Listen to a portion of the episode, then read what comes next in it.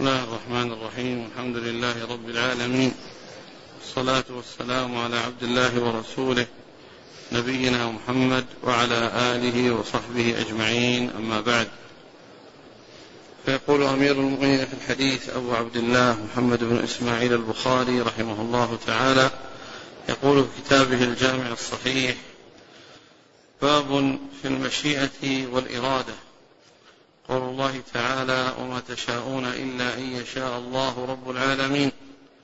قول الله تعالى تؤتي الملك من تشاء. وقوله ولا تقولن لشيء إني فاعل ذلك غدا إلا أن يشاء الله. إنك لا تهدي من أحببت ولكن الله يهدي من يشاء. وذكر أحاديث قال حدثنا محمد قال حدثنا عبد الوهاب الثقفي قال حدثنا خالد الحذاء عن عكرمة عن ابن عباس رضي الله عنهما أن رسول الله صلى الله عليه وسلم دخل على أعرابي يعوده فقال لا بأس عليك طهور إن شاء الله. قال قال الأعرابي طهور بل هي حمى تفور على شيخ كبير تزيره القبور. قال النبي صلى الله عليه وسلم فنعم إذا بسم الله الرحمن الرحيم. الحمد لله رب العالمين وصلى الله وسلم وبارك على عبده ورسوله نبينا محمد وعلى آله وأصحابه أجمعين. أما بعد فهذه جملة أحاديث تدخل تحت هذا الباب أوردها البخاري تحت هذا الباب الذي هو باب في الإرادة والمشيئة. والإرادة والمشيئة من العلماء من قال إنهما بمعنى واحد. ومنهم من قال إن الإرادة أعم من المشيئة وأنها تكون في ما قدره الله وقضاه وتكون فيما شرعه الله وأمر به فتأتي لمعنى كوني ولمعنى شرعي. أما المشيئة فإنها لا تأتي إلا لمعنى كوني ولا تأتي لمعنى شرعي. وعلى هذا فإن بينهما فرق. وابن القيم رحمه الله كتب في القضاء والقدر كتابا اسمه شفاء العليل شفاء الغليل أو شفاء العليل.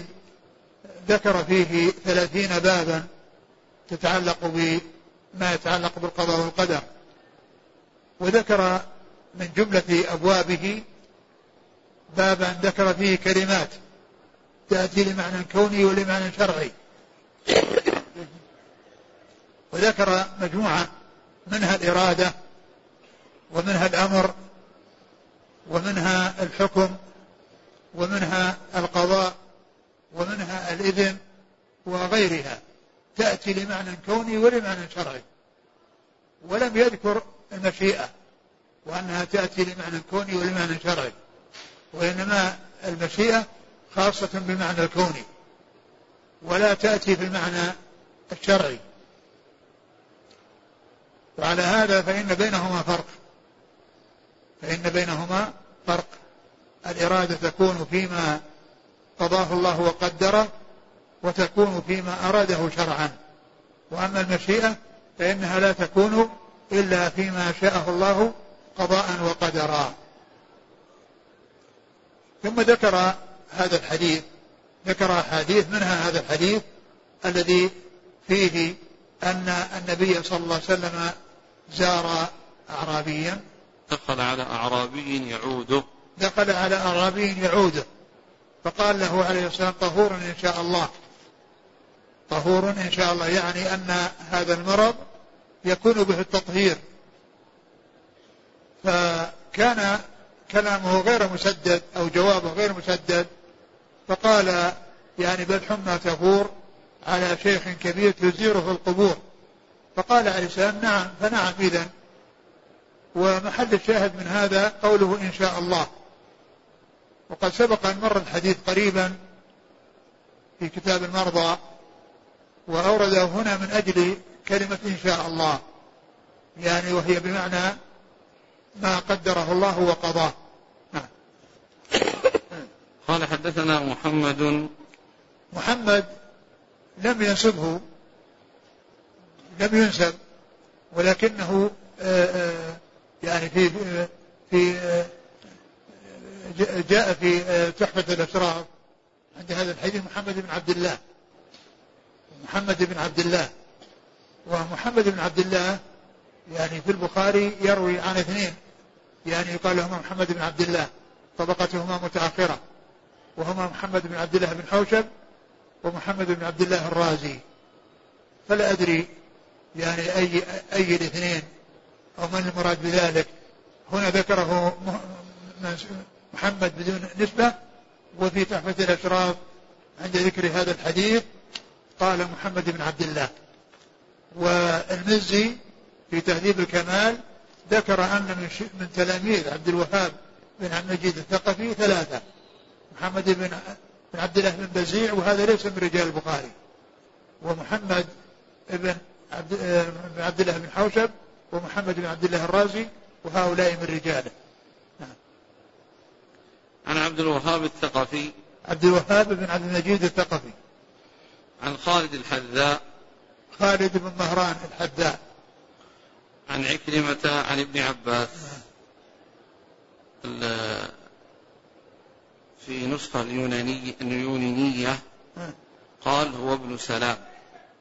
وعند القسطلاني قال أنه ابن سلام وقال كذلك ابن السكن هو ابن سلام أو ابن المثنى.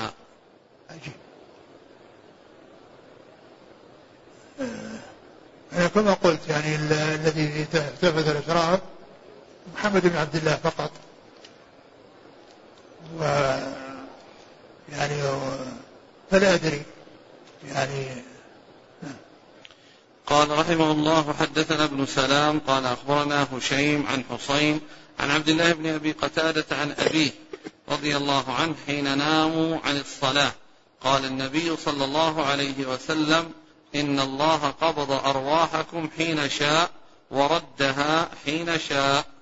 فقضوا حوائجهم وتوضأوا إلى أن طلعت الشمس وابيضت فقام فصلى. ثم ذكر هذا الحديث الذي فيه نوم الرسول صلى الله عليه وسلم وأصحابه حتى طلعت الشمس وبعد ذلك صلوا يعني صلوا الصلاة بعد بعد طلوع الشمس. وهنا يعني هذه الرواية فيها يعني آه، أن أنهم قضوا حوائجهم حتى طلعت الشمس ويعني وابيضت و و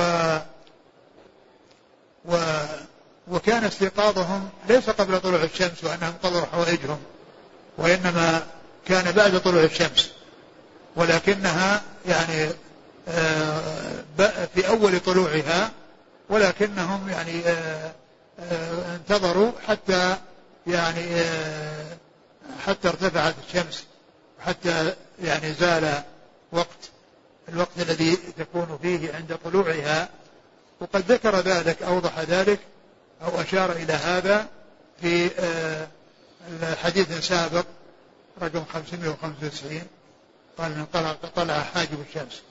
يعني قام وقد طلع حاجب الشمس. يعني أنه يعني عند بداية طلوعها. يعني بعضها طلع وبعضها لم يطلع. نعم. قال حدثنا ابن سلام عن هشيم. لا هذاك اللي كيف رقم 595 عن أبي عن أبي قتادة قال سرنا مع النبي صلى الله عليه وسلم ليلة فقام بعض القوم لو فقال بعض القوم لو عرست بنا يا رسول الله. قال أخاف أن تناموا عن الصلاة. قال بلال أنا اوقظكم فاضطجعوا وأسند بلال ظهره إلى راحلته فغلبته عيناه فنام. فاستيقظ النبي صلى الله عليه وسلم وقد طلع حاجب الشمس. فقال يا بلال أين ما قلت؟ قال ما ما ألقيت علي نومة مثلها قط. قال إن الله قبض أرواحكم حين شاء وردها عليكم حين شاء. يعني هذا يعني يوضح بأن يعني آه، الاستيقاظ حصل في أول طلوع الشمس. يعني وقال هنا طلع حاجب الشمس. وذيك رواية يعني يفيد بأنهم يعني كانوا قضوا حوائجهم وأنها ثم طلعت الشمس و, و يعني وابيضت. يعني وهذا يبين أن أن استيقاظهم إنما كان عند طلوع الشمس وبعد ظهور آه، بعضها وبعضها لم يظهر وأنهم صبروا حتى ابيضت أو حتى ظهرت الشمس يعني وارتفعت ثم بعد ذلك صلوا. ومحل الشاهد من هذا الحديث هنا أن الله قبض أرواحكم حيث شاء وأحياها وردها وردها حيث شاء. يعني أن الله قبض أرواحكم في النوم. قبض أرواحكم في النوم. وردها يعني يعني بعد ذلك. ومن المعلوم أن أن أنه جاء في القرآن أن أن النوم أنه وفاة. يعني وهو وفاة صغرى. قال الله عز وجل الله يتوفى الأنفس حين موتها والتي التي لم تمت في منامها. فيمسك التي قضى عليها. الموت ويرسل الأخرى إلى أجل مسمى. يعني معناه أن أن أن أنه في في حال النوم يعني تقبض الروح فإذا شاء الله عز وجل أنه صاحبها يعيش فإنها ترد إليه وإلا فإنها بقيت. يعني وصارت هذه النومة فيها موته. الله يتوفى الأنفس حين موتها. يعني والتي لم تمت في منامها هي توفاها. فيمسك التي قضى عليها الموت وهي في حال نومها ويرسل الأخرى إلى أجل مسمى بحيث يعني يحييها وتقوم من النوم وتعيش إلى الحين الذي شاء الله عز وجل أن آه، يعيشه الإنسان. الحاصل أنه أورده من أجل قوله يعني حيث شاء وردها حيث شاء. قال حدثنا ابن سلام عن هشيم هشيم بن بشير الواسطي. عن حصين بن عبد الرحمن. عن عبد الله بن أبي قتادة عن أبيه. قال حدثنا يحيى بن قزعة قال حدثنا إبراهيم عن ابن شهاب عن أبي سلمة والأعرج. قال وحدثنا إسماعيل قال حدثني أخي عن سليمان عن محمد بن أبي عتيق عن ابن شهاب عن أبي سلمة بن عبد الرحمن وسعيد بن المسيب أن أبا هريرة رضي الله عنه قال استب رجل من المسلمين ورجل من اليهود فقال المسلم والذي اصطفى محمدا على العالمين في قسم يقسم به فقال اليهودي والذي اصطفى موسى على العالمين. فرفع المسلم يده عند ذلك فلطم اليهودي فذهب اليهودي إلى رسول الله صلى الله عليه وسلم فأخبره بالذي كان من أمره وأمر المسلم. فقال النبي صلى الله عليه وسلم لا تخيروني على موسى فإن الناس يصعقون يوم القيامة فأكون أول من يفيق فإذا موسى باطش بجانب العرش فلا أدري أكان في من صعق فأفاق قبلي أو كان ممن استثنى الله.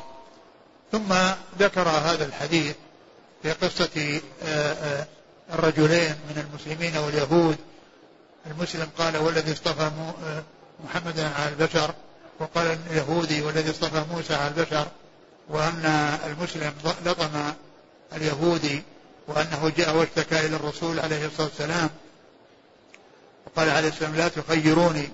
يعني لا تقولوا يعني أنا خير من موسى هذا التخيير. لا تخيروني لا تقولوا أني خير من موسى. ولعل هذا كان قبل أن يوحى إليه. بأنه خير منه أو أن المقصود أنهم لا يكون التخيير على سبيل العصبية وإنما يكون يعني على سبيل الواقع وعلى سبيل الاعتقاد وفقا لما جاء بما جاءت به نصوص الكتاب والسنة. وكذلك أيضا هو من باب التواضع منه عليه الصلاة والسلام. أو أنه قبل أن يوحى إليه بأنه خير الناس عليه الصلاة والسلام ثم ذكر شيئا من خصائص موسى وهو أن الناس يصعقون يوم القيامة. فأكون أول من يفيق. يعني هذه الصعقة. فأجد موسى باطشا بقائمة العرش فلا أدري أفاق قبلي أم كان ممن استثنى الله. يعني وهذا محل الشاهد. والمقصود فلا صالح فلا إلا من شاء الله. فإذا قول محل الشاهد من هذا الحديث هنا ممن استثنى الله بقوله إلا من شاء الله. و والحديث جاء في بعض رواياته أن النبي عليه الصلاة والسلام قال فلا أدري أفاق قبلي أم جوزي بصعقة يوم الطور. فلا أدري أفاق قبلي أم جوزي بصعقة يوم الطور. وأما بالنسبة لخروج النبي صلى الله عليه وسلم لخروج الناس من القبور والبعث فإن أول القبور انشقاقا عن صاحبه قبر نبينا محمد صلى الله عليه وسلم. وقد قال عليه الصلاة والسلام أنا أول من شق من شقه القبر. قال سيد ولد آدم وأول من يشقه القبر وأول شافع وأول مشفع. فأول القبور يعني انشقاقا عن صاحبه قبر نبينا محمد صلى الله عليه وسلم. وبعد ذلك الناس يبعثون بعده ويخرجون من قبورهم بعده. عليه الصلاة والسلام. لكن الذي يعني آه، يكون منسجم ومطابق لما حصل في الدنيا ولما يتعلق بموسى هذه الرواية الثانية التي فيها أن الناس يصعقون يوم القيامة يعني إذا جاء الله لفصل القضاء وتجلى لهم فإنهم يصعقون. فأول فيفيق الرسول فيجد موسى قبله. قال فلا أدري هل صعق وأفاق قبلي؟ أم جوزي بصعقة يوم الطور لحصلته في الدنيا. الصعقة التي حصلت في الدنيا أنها لم تتكرر عليه وإنما حصله في الدنيا ولم تحصل له يوم القيامة. وأما غيره فحصل له هذا الصعق يوم القيامة. وهذا هو الذي رجحه بعض العلماء مثل المزي وابن كثير وشارح الطحاوية ذكروا هذا وقال انهما حديثان. يعني يعني يعني دخل بعضهما في بعض. ولكن الصحيح هو هذا الذي فيه أنه جوزي بصعقة يوم الطور. ويكون هذا الذي يناسب بكونه وجد موسى أمامه. وإلا فإنه بالنسبة للخروج من القبور هو أول من يخرج من قبره عليه الصلاة والسلام. لا يخرج قبله موسى ولا غيره. ولكن الذي آه، يعني يعني يتفق مع ما حصل له في الدنيا هذا الحديث الذي فيه الأمر دائر بين أنه أفاق قبله من هذه الصعقة للتجلي يوم القيامة أو أنه بجوز جوزي بصعقة يوم الطور فلم يتكرر له ذلك. وكفاه ما حصل له في الدنيا. وكفاه ما حصل له في الدنيا. نعم. قال حدثنا يحيى بن قزعة نعم. عن إبراهيم بن سعد. عن ابن شهاب عن أبي سلمة والأعرج. نعم. عبد الرحمن بن هرمز قال وحدثنا إسماعيل بن أبي ويس. عن أخيه عبد الحميد. عن سليمان بن بلال. عن محمد بن أبي عتيق عن. ابن شهاب عن أبي سلمة. وهذا الإسناد نازل يعني الأول فيه واسطتان بين البخاري وبين الزهري والإسناد الثاني نازل أربع وسائط. في أربع وسائط بين البخاري وبين الزهري. عن أبي سلمة بن عبد الرحمن وسعيد بن المسيب عن أبي هريرة. قال حدثنا إسحاق بن أبي عيسى. قال أخبرنا يزيد بن هارون قال أخبرنا شعبة عن قتادة عن أنس بن مالك رضي الله عنه أنه قال قال رسول الله صلى الله عليه وسلم المدينة يأتيها الدجال فيجد الملائكة يحرسونها فلا يقربها الدجال ولا الطاعون إن شاء الله.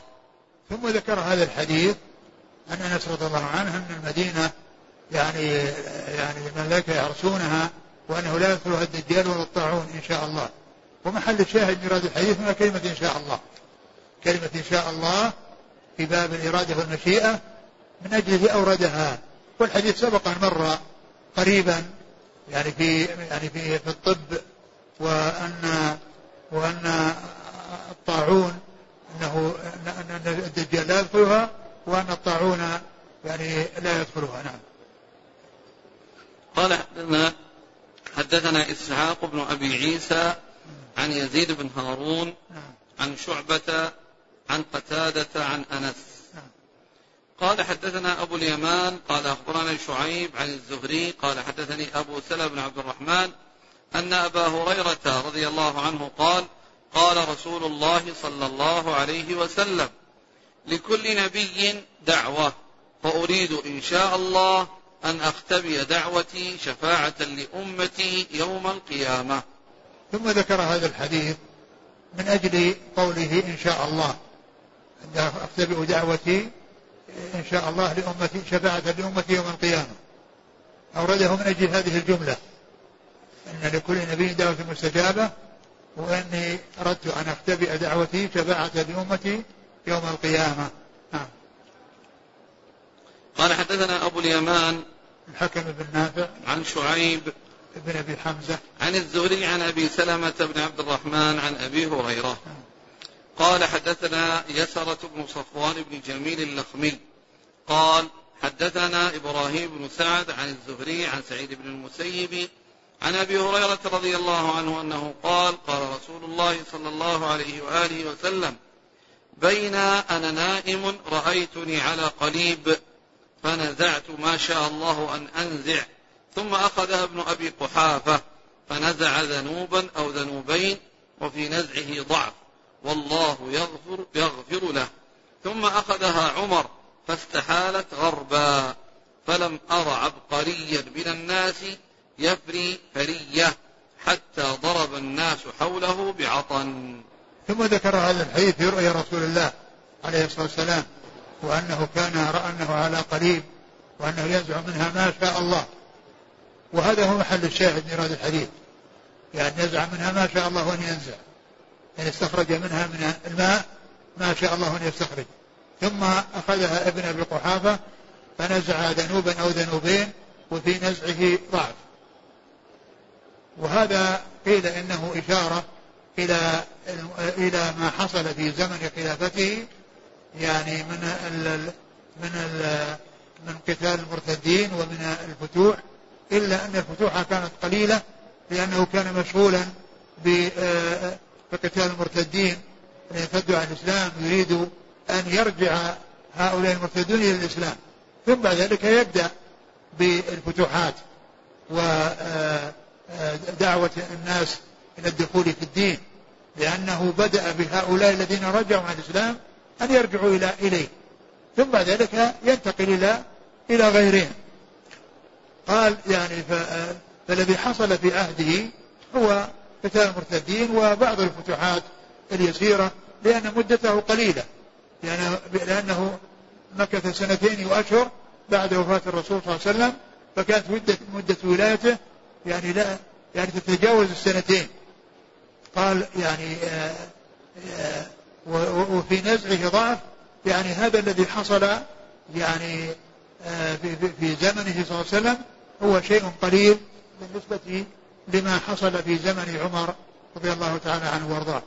لأن عمر مدته طالت حتى بلغت أكثر من عشر سنوات وحصل فيها الفتوحات وحصل فيها آآ آآ دخول الناس في دين الله ودخل فيها يعني وفيها القضاء على الدولتين العظميين في ذلك الزمان دولة الفرس ودولة الروم. وأنفقت كنوزهما في سبيل الله كما أخبر بذلك رسول الله عليه الصلاة والسلام. وكان ذلك على يد عمر.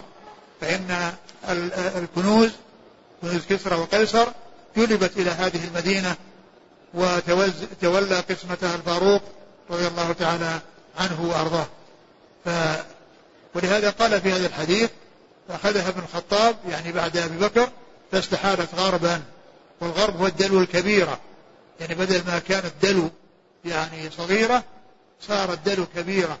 هذه يقال لها الغرب فاستحالت غربا. فلم أرى أحدا يفري فرية يعني ينزع من الماء بقوة حتى ضرب الناس بعطن يعني أنهم شربوا ورووا ويعني فصاروا مثل الإبل التي رويت ثم بركت في أعطانها. ثم بركت في أعطانها بعد أن أخذت حاجتها من الماء وهذا كله إشارة إلى يعني ما حصل في زمنه من كثرة الفتوح لأن مدته طالت حتى زادت على عشر سنوات رضي الله تعالى عنه وأرضاه. ومحل الشاهد من ذلك ما جاء في أوله من قوله نزعت منها ما شاء الله أن أنزل. قال حدثنا يسرة بن صفوان بن جميل اللخمي عن إبراهيم بن سعد عن الزهري عن سعيد بن المسيب عن أبي هريرة. قال حدثنا محمد بن العلاء قال حدثنا أبو أسامة عن بريد عن أبي بردة عن أبي موسى رضي الله عنه أنه قال كان النبي صلى الله عليه وسلم إذا أتاه السائل وربما قال جاءه السائل أو صاحب الحاجة قال اشفعوا فلتؤجروا. ويقضي الله على لسان رسوله ما شاء ثم ذكر هذا الحديث عن أبي موسى الأشعري أنه كان إذا جاءه صاحب حاجة أو جاءه سائل يقول لأصحابه اشفعوا فلتؤجروا ويقضي الله على لسان نبيه صلى الله عليه وسلم ما شاء. المقصود من هذا أن الرسول عليه الصلاة والسلام يعني أمرهم بأن يشفعوا لغيرهم وأما الذي يقضيه الله عز وجل يعني فإنه يعني ينزل به الوحي على رسول الله صلى الله عليه وسلم وينفذ يعني ما أمر به. ومحل الشاهد منه هو هذه الجملة وقوله يقضي الله على لسان نبيه ما شاء. يقضي الله على لسان نبيه ما شاء. نعم. قال حدثنا محمد بن العلاء. أبو كريب وهذه طريقة البخاري كما ذكرت. يذكره باسمه وأما مسلم فإنه يذكره بكنيته. نعم. عن أبي أسامة. حماد بن أسامة. عن بريد. بريد بن عبد الله بن أبي بردة. عن أبي بردة. عن جده أبي بردة. عن أبيه أبي موسى. يعني أن أن بريدا يروي عن جده وأبو بردة يروي عن أبيه فهو من رواية حفيد عن جد وابن عن أب. قال حدثنا يحيى قال حدثنا عبد الرزاق عن معمر عن همام أنه سمع أبا هريرة رضي الله عنه عن النبي صلى الله عليه وسلم قال لا يقل أحدكم اللهم اغفر لي إن شئت ارحمني إن شئت ارزقني إن شئت وليعزم مسألته إنه يفعل ما يشاء لا مكره له. ثم ذكر هذا الحديث عن أبي هريرة نعم. نعم. أن النبي صلى الله عليه وسلم قال لا يقول أحدكم اللهم ارحمني إن شئت اللهم اغفر لي إن شئت. يعني ليعزم المسألة فيقول اللهم اغفر لي اللهم ارحمني. دون أن يعلق ذلك بمشيئة بمشيئة الله عز وجل. يعني يعزم فلا يعلق فلا يعلقها بمشيئة. وإنما يسأل الله عز وجل ويلح عليه في الدعاء بأن يغفر له وأن يرحمه وأن يهيئ له كل خير. ولا يحصل منه التعليق. يعني إن شئت فافعل لي وإن يعني معناه يعني أن هذا مربوط بالمشيئة فيقول إن شئت. يعني معناه وإن, وإن, وإن لم تشاء لا يحصل شيء. نعم وكل شيء بقضاء الله وقدره وكل شيء بمشيئة الله. ما شاء الله كان وما لم يشاء لم يكن. لكن الإنسان يعزم المسألة فيقول اللهم اغفر لي اللهم ارحمني. لا يقول لا يجعلها معلقة في المشيئة. فإن الله لا مكره له بأنه يفعل ما شاء ويعطي من الخير ما يشاء وليس كغيره لأن المخلوقات الذين يحصل منهم يعني العطاء والمنع ب يعني ب يعني بإكراه أو بإلجاء أو ما إلى ذلك. قال حدثنا يحيى. يحيى لا أدري من هو. وفي تحفظ الأتراك ما زاد على قوله يحيى. عن عبد الرزاق ابن همام الصنعاني. عن معمر نعم الراشد. عن همام ابن منبه. عن أبي هريرة. قال حدثنا عبد الله بن محمد قال حدثنا أبو حفص أبو حفص عمرو. قال حدثنا الأوزاعي قال حدثني ابن شهاب عن عبيد الله بن عبد الله بن عتبة بن مسعود عن ابن عباس رضي الله عنهما أنه تمارى هو والحر بن قيس بن حصن الفزاري في صاحب موسى أهو خضر فمر بهما أبي بن كعب الأنصاري فدعاه ابن عباس فقال إني تماريت أنا وصاحبي هذا في صاحب موسى الذي سأل السبيل إلى لقيه. هل سمعت رسول الله صلى الله عليه وسلم يذكر شأنه؟ قال نعم. إني سمعت رسول الله صلى الله عليه وسلم يقول بين موسى في ملأ بني إسرائيل إذ جاءه رجل فقال هل تعلم أحدا أعلم منك؟ فقال موسى لا. فأوحي إلى موسى بلى عبدنا خضر. فسأل موسى السبيل إلى لقيه فجعل الله له الحوت آية وقيل له إذا فقدت الحوت فارجع. فإنك ستلقاه. فكان موسى يتبع أثر الحوت في البحر فقال فتى موسى لموسى أرأيت إذ أوينا إلى الصخرة؟ فإني نسيت الحوت وما أنسانيه إلا الشيطان أن أذكره. قال موسى ذلك ما كنا نبغي فارتد على آثارهما قصصا فوجدا خضرا وكان من شأنهما ما قص الله. ثم ذكر هذا الحديث بقصة موسى والخضر وقد سبق الحديث في كتاب التفسير يعني عند المصنف وفي غيره ولكنه أورده هنا في باب المشيئة من أجل ما جاء فيه من قول موسى ستجني إن شاء الله صابرا ولا أعصي لك أمرا. ستجني إن شاء الله صابرا ولا أعصي لك أمرا. وهو جاء من أجل هذه الجملة التي فيها ذكر المشيئة آه، في قول موسى ستجني إن شاء الله صابرا ولا أعصي لك أمرا والحديث سبق أن مر في التفسير وفي غيره. قال حدثنا عبد الله بن محمد المسندي عن أبي حفص عمرو عمرو بن أبي سلمة التنيسي عن الأوزاعي وهو عبد الرحمن بن عمرو. عن ابن شهاب عن عبيد الله بن عبد الله بن عتبة بن مسعود عن ابن عباس. نعم. قال حدثنا أبو اليمان قال أخبرنا شعيب عن الزهري وقال أحمد بن صالح حدثنا ابن وهب قال أخبرني يونس عن ابن شهاب عن أبي سلمة بن عبد الرحمن عن أبي هريرة رضي الله عنه عن رسول الله صلى الله عليه وسلم أنه قال ننزل غدا إن شاء الله بخيف بني كنانة حيث تقاسموا على الكفر يريد المحصب. ثم ذكر هذا الحديث الذي يعني يتعلق بالحج وهو أنه قال ننزل غدا إن شاء الله في خيف بني كنانة يعني المحصب يعني وهو المكان الذي بين مكة ومنى وأن الرسول عليه الصلاة والسلام نزل به يعني قبل الحج وبعده والنزول في المحصب يعني قال يعني المشهور عند يعني عند أهل العلم أنه ليس بنسك من الأنساك وإنما حصل أن النبي صلى الله عليه وسلم نزل به اتفاقا في البداية لأنه بين مكة وبين منى ويذهب إلى مكة ويأتي إلى ويذهب إلى منى. وفي النهاية وفي النهاية يعني بعد نزوله من من من من منى نزل في المحصب ثم آه ذهب في آخر الليل يعني إلى مكة وطاف طواف الوداع وغادرها صلوات الله وسلامه وبركاته عليه.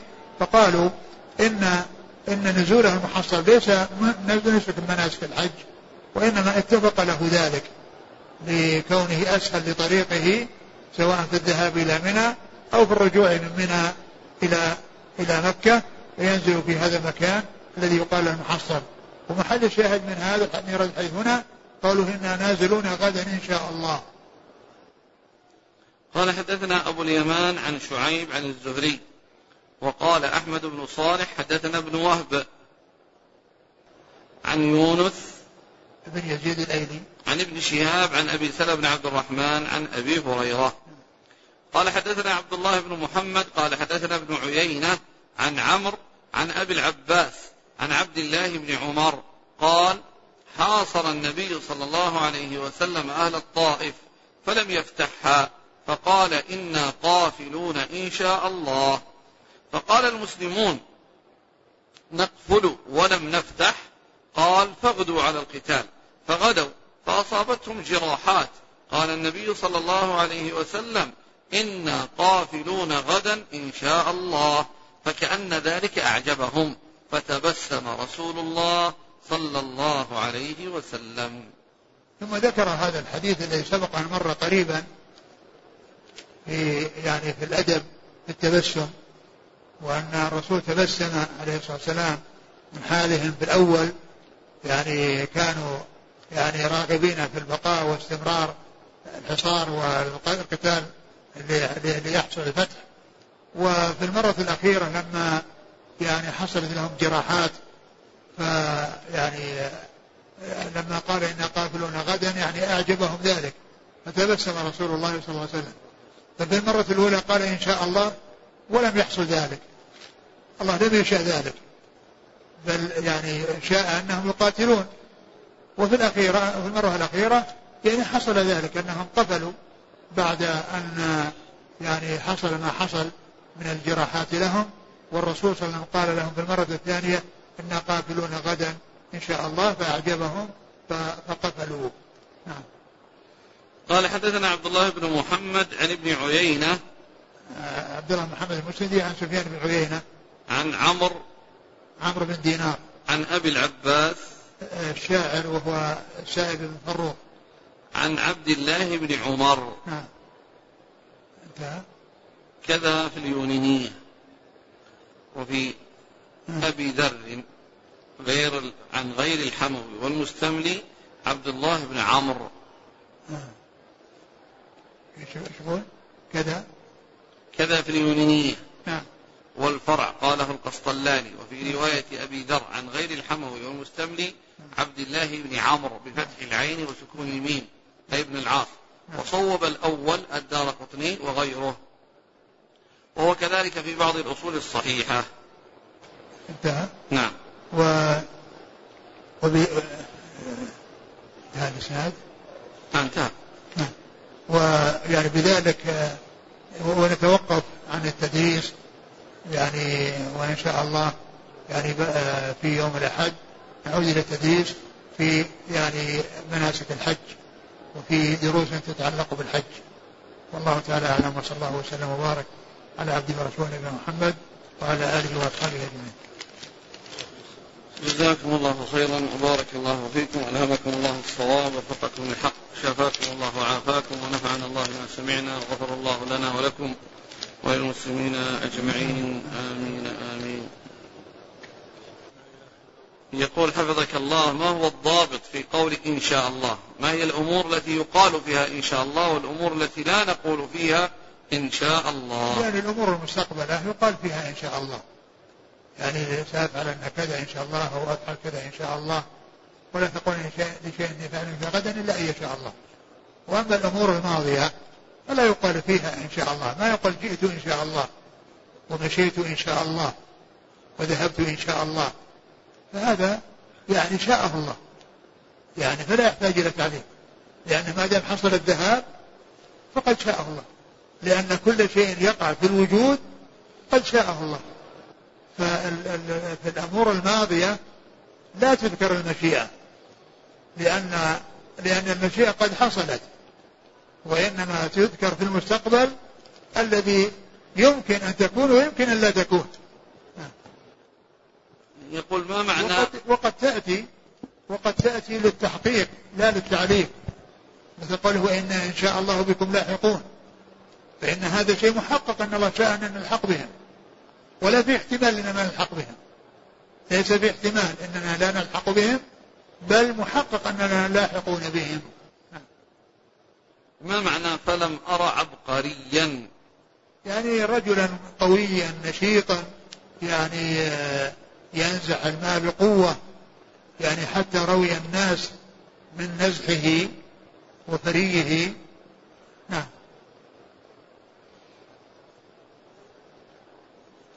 ما حكم قول ما شاء الله ثم شاء فلان؟ هذا هو الصحيح يعني ما شاء الله ثم شاء فلان هذا هو الذي ينبغي. أما الذي لا يصلح ما شاء الله وشئت. ما شاء الله وشاء فلان هذا الذي لا يصلح. يقول هل ورد عن النبي صلى الله عليه وسلم بأن غبار القبر يكفر بعض الذنوب عندما ندفن الميت؟ إيش إيش؟ غبار القبر يكفر بعض الذنوب عندما ندفن الميت. والله لا أعلم. لا أعلم شيء يدل على هذا. يقول هل ورد أن أهل البقيع أول من تنشق عنهم القبور بعد قبر النبي صلى الله عليه وسلم؟ لا أدري. هل ورد عن النبي صلى الله عليه وسلم ذكر خاص يقال بعد صلاة الضحى؟ إيش الخاص؟ ذكر خاص. لا لا أدري. لا لا أعلم ذكرا خاصا يعني بعد صلاة بعد, بعد صلاة الضحى. يقول رجل يقول بأنه يرى في منامه النبي صلى الله عليه وسلم كثيرا. ولذلك هذا الرجل يقول إني أنتظر النبي صلى الله عليه وسلم. إني إيش؟ أنتظر النبي صلى الله عليه وسلم. إيش معنى؟ أنتظر أن أشوفه في المنام. يعني ينتظر أن يشوفه أي على كل يعني الرسول عليه الصلاة والسلام من رآه على حقيقته التي هو عليها وهيئته التي يعرفها أصحابه فهذا هو رسول الله صلى الله عليه وسلم. وإذا رآه على غير الهيئة التي يعرفها أصحابه فهذا ليس رسول الله عليه الصلاة والسلام.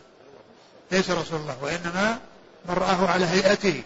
ولهذا جاء عن ابن عباس رضي الله تعالى عنه كما في شمائل الترمذي أنه جاءه رجل وقال يا قال إني رأيت الرسول صلى الله عليه وسلم قال صف لنا هذا الذي رأيت. صف لنا هذا الذي رأيت. فوصفه. قال لو رأيته كما رأيناه ما زدت على هذا. يعني أنه مطابق لهيئته صلى الله عليه وسلم ولصفته صلى الله عليه وسلم التي هو عليها. فإذا كان على الهيئة التي هو عليها فهو رسول الله. لأنه يعرف أصحابه. وأما إذا رآه على هيئة أخرى أو هيئات أخرى فهذا ليس هو رسول الله. عليه الصلاة والسلام. يقول هل إذا حلف شخص على فعل شيء ثم استدركه آخر بأن قال له قل إن شاء الله هل نعم. تنعقد اليمين؟ إذا كان أنه على طول يعني بعد ذلك مباشرة يعني ما تنعقد. وأما إذا كان بعد مدة فانعقدت اليمين والاستثناء لا ينفع إذا كان بعد مدة. أما إذا قيل له قل إن شاء الله فقال إن شاء الله في الحال فإنها تنفع. ولهذا جاء في الحديث الذي فيه أن سليمان بن داود قال لا أطوفن على تسعين امرأة يعني تأتي بولد يقاتل في سبيل الله الرسول صلى الله عليه وسلم قال لو لو قال إن شاء الله لا يعني لجاهدوا ومعلوم أن الإنسان عندما يعني يقول شيئا ثم يذكر بشيء وينبه عليه في الحال فيقوله فإن ذلك صحيح. مثل ما مثل ما جاء عن النبي صلى الله عليه وسلم أنه يعني ذكر له استثناء الإذخر وكذلك يعني عطف المحلقين على المقصرين على المحلقين لما قال الرسول صلى الله عليه وسلم رحم الله المحلقين. قالوا يا رسول الله والمقصرين. ثم بعد ما تكرر قال والمقصرين. والعباس لما قال له إن أنه لا يصاد لا يصاد صيد الحرم ولا يقطع شجرة قال يا رسول الله الا الاذخر يعني يريد منه يقول الا الاذخر يستثني فهو لو نبه وقيل قل إن شاء الله فقالها يعني في الحال لا بأس. أما إذا مضى عليها وقت فإنها لا تنفع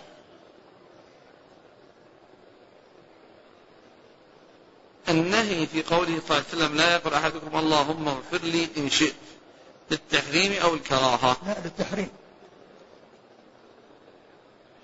ما حكم قول رحمه الله إن شاء الله؟ لا ما يصلح هذا. وإنما رحمه الله بدون مثل اللهم ارحمه إن شئت. أقول رحمه الله إن شاء الله مثل اللهم ارحمه إن شئت. يقول حفظك الله هل يصح الحديث عن النبي صلى الله عليه وسلم في النهي عن صوم يوم السبت مفردا؟ تكلم فيه بعض أهل العلم وقال إنه لا يصح وأنه جاء يعني أحاديث تدل على صيامه وأن في ذلك مخالفة لليهود وكذلك بالنسبة للأحد مخالفة للنصارى. وجاء وهذا الحديث الذي يعني جاء وصحه بعض بعض أهل العلم يعني إذا صح هو محمول إذا قصد إفراده. أما لو أضيف إليه غيره قبله أو بعده فإن ذلك لا إشكال فيه. في حديث جويرية رضي الله تعالى عنها أن أن النبي صلى الله عليه وسلم دخل عليها يوم الجمعة وهي صائمة فقال لها أصمت أمس؟ الخميس. قالت لا. قال أتصومين غدا؟ يعني السبت. قالت لا. قال فأفطر. يعني معناه أنها لو أرادت أنها أنها تصوم السبت ما في ما في بأس.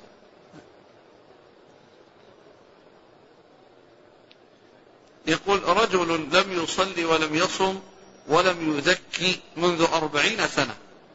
الآن يريد التوبة. هل عليه أن يقضي صلاته وصومه وزكاته؟ لا. ليس له. هو هو كونه لا يصلي هو كافر والكافر لا زكاة عليه. يعني لا يعني لا تقبل منه الزكاة إلا إذا أتى بالصلاة.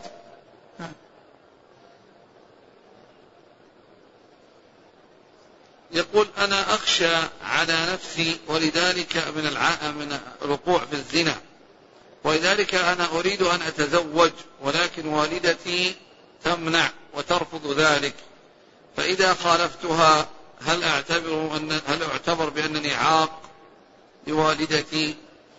يعني هي هي تمنعك من الزواج مطلقا هذا غلط. وأما إن كانت تمنعك من زواج امرأة معينة فأنت انظر يعني في قضية هذه المرأة وما تقوله أمك يعني حولها يعني أن أنه يستحق. وإن وإن يعني طيبت خاطر أمك بأن تركتها وبحثت عن غيرها فهذا طيب. ولكن كونها تمنعك من من من, من النكاح ولا ترضى أنك تتزوج يعني مطلقة فهذا غلط. وعليك أن تتزوج لكن تحرص على إرضاء أمك.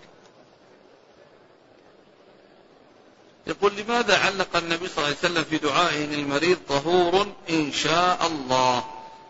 لعل ذلك يعني تحقيقا يعني لا تعليقا نعم هل الباسط من أسماء الله لا أدري يقول هل صح عن الإمام أحمد أنه قال القدر سر الله؟ لا أدري. يقول أخ اختلف مع إخوانه في بعض المسائل الدعوية فقال لهم تبا لكم. فهل هذا يقال للمسلم؟ ما يصلح أن يقال هذا. ومثل هذا الكلام لا ليس يعني لا يليق بالإنسان أن يعامل غيره به. كما أنه لا يحب أن يعامل هذه المعاملة فلا يعامل غيره هذه المعاملة. وإذا يعني اختلف مع غيره يعني في مسألة من المسائل ما يليق أن أن يكون الجواب يعني هو هذا. وإنما يعني يبحثون حتى يصلوا إلى الحقيقة يعني من حيث من حيث ما يتفق مع مع الشرع.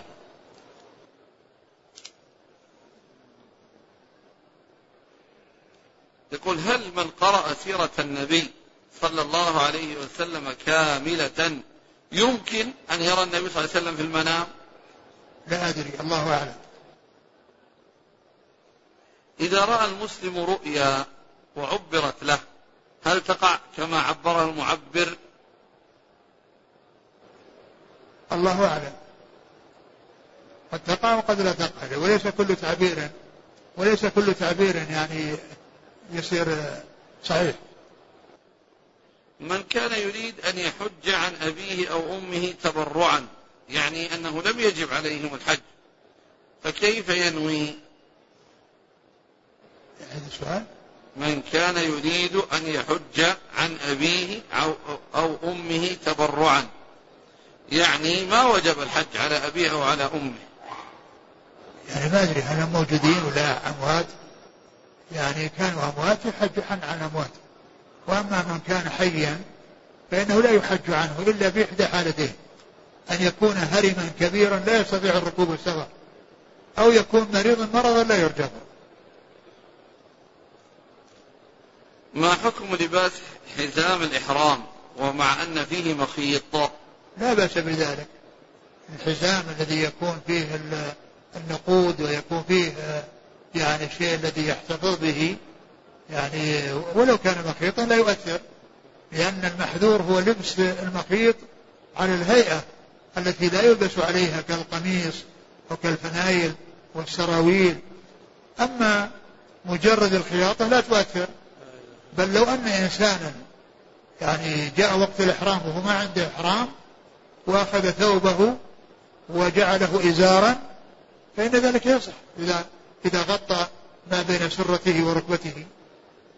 لأنه ليس المحذور بأن يكون فيه خياطة. المحذور أن يكون على الهيئة التي يلبس عليها كالفنايل والسراويل والقمص. هل يجوز الزواج بأخت زوجة الأب؟ أن يتزوج الابن أخت زوجة أبيه. يتزوج؟ أخت زوجة يجوز. يجوز. رجل. يعني يكون عديلا لأبيه على ما يقولون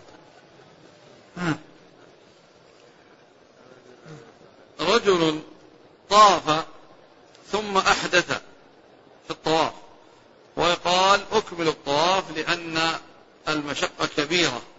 إذا رجعت لأتوضأ.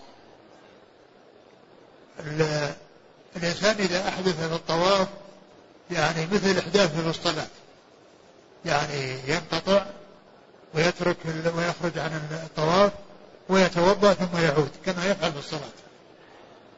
يعني يتوضأ ويعود ويستأنف الصلاة. يستأنف الوضوء الطهارة الطواف ويستأنف الصلاة. إذا أحدث في الصلاة توضأ واستأنفها وإذا أحدث في الطواف توضأ واستأنفه.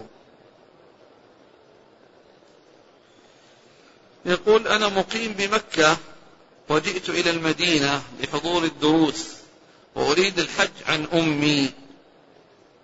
فهل لي أن أرجع إلى مكة غير محرم وأحرم من هناك بالعمرة؟ يريد أن يحج عن إيش؟ متمتعا عن أمه. أيوة. من أهل مكة. نعم. جاء إلى المدينة وسيرجع. يحرم من ميقات ذي الحليفة ولا في الحل قبل أن يدخل الحرم؟ والله الأولى لك الأولى لك ما دمت في المدينة أنك تحرم بالعمرة وتطوف وتسعى وتقصر وتحرم بالحج يعني في يعني في في اليوم الثامن. وليس عليك هدي لأنك من أهل مكة إذا كنت من أهل مكة. يقول أحسن الله إليك لي صديق غني. قال قال لي أحاسبك عند الله إذا كانت بك حاجة إلى المال ولم تتصل علي يقول أنا أحيانا تكون لي حاجة لكن أستحي منه فماذا أفعل؟ وهذا يرجع إليك إن كان الأمر يقتضي أنك تأخذ منه وقد عرض لك خذ وإن شئت أن تستغني وتستعف يعني لا تأخذ.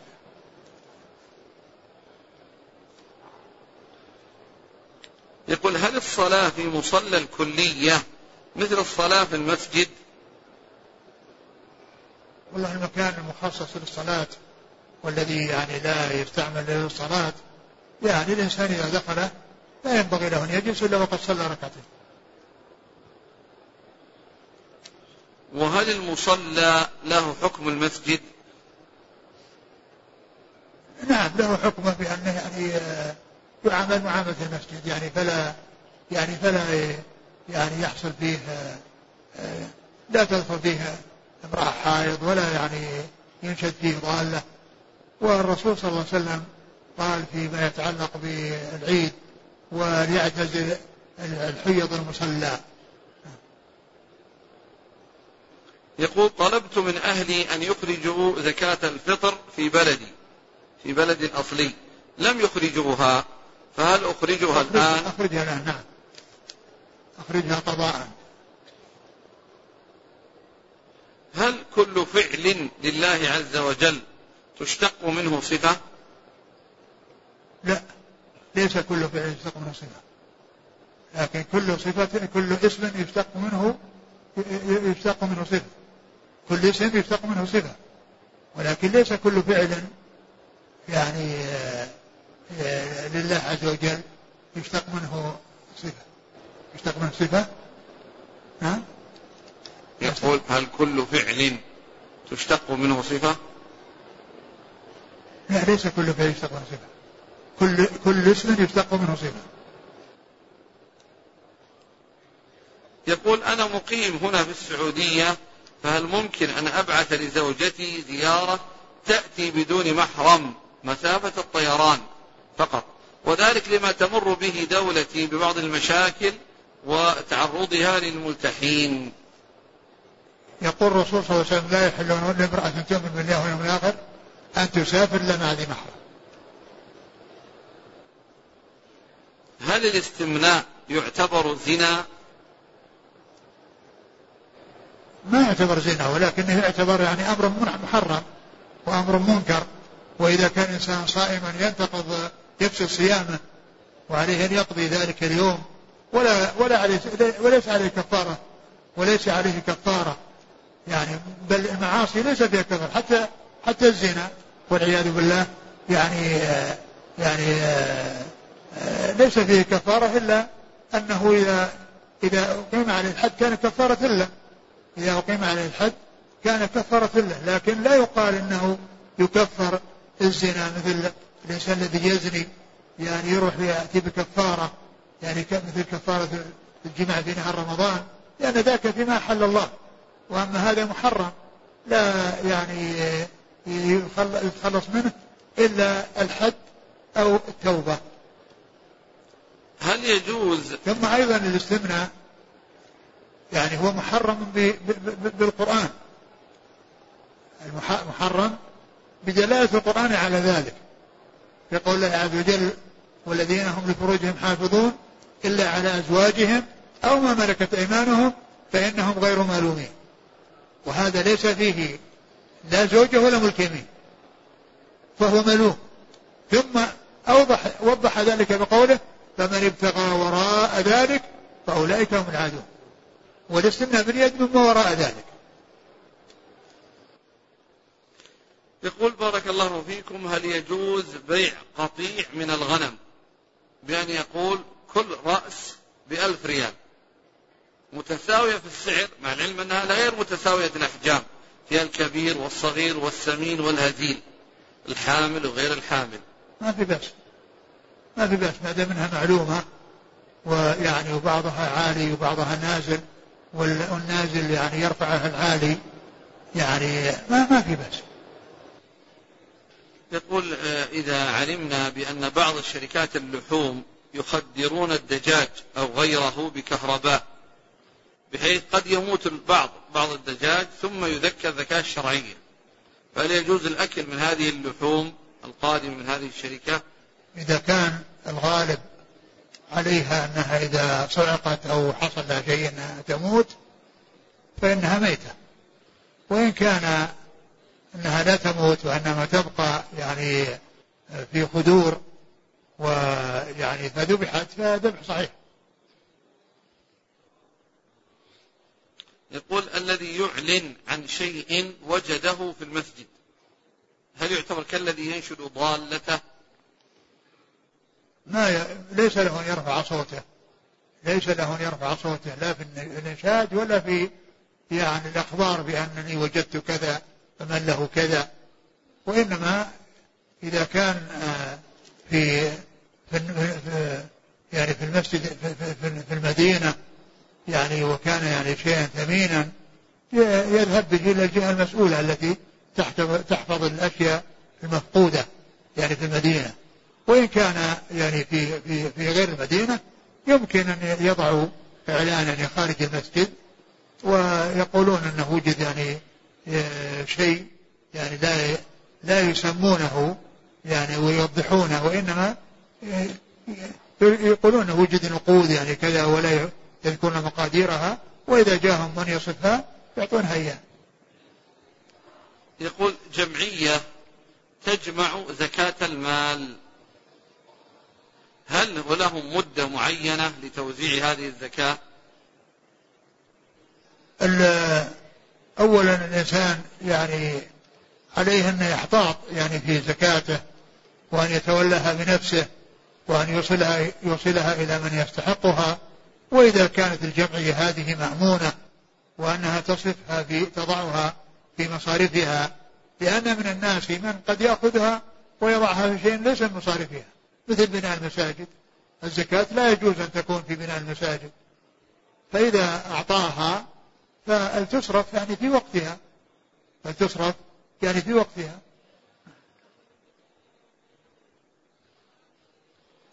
يقول هل هناك فرق بين صلاة الإشراق وصلاة الضحى؟ أولا ليس هناك صلاة يقال لها الإشراق ولكن آه، ما جاء في الحديث أن من صلى آه، الفجر وجلس في مصلاه حتى طلع الشمس وصلى ركعتين هذه تابعة لهذا الجلوس. لكن ما فيه يعني إشراق أن الإنسان يعني ما على لم يفعل هذا الجلوس في المسجد وإنما يأتي بصلاة يقال الإشراق ليس هناك. لكن من حصل له ذلك ف يعني وجلس حتى طلع الشمس صلى ركعتين هذه لا ينبغي أن يعتبرها صلاة الضحى. وإنما يعني صلاة الضحى يأتي بها في وقتها إذا كان قد اعتاد وأفضل أوقاتها إذا اشتدت الحرارة يعني في الضحى. يقول هل يشرع عند الأذان عند قول المؤذن أشهد أن محمدا رسول الله أن أتابعه على هذا الكلام وأصلي على النبي صلى الله عليه وسلم بعد ذلك مباشرة ثم أتابع الترديد؟ لا تأتي مثل ما يقول المؤذن والصلاة على الرسول صلى الله عليه وسلم بعد ذلك بعد السلام بعد الفراغ. يقول هل دم دم السمك نجس إذا أصاب الثوب؟ السمك يعني أي دم أي أي دم يعني إذا أصاب الثوب هو من جنس غيره. هل يقوم البنك الإسلامي المكلف بالسندات بذبح الهدي شو؟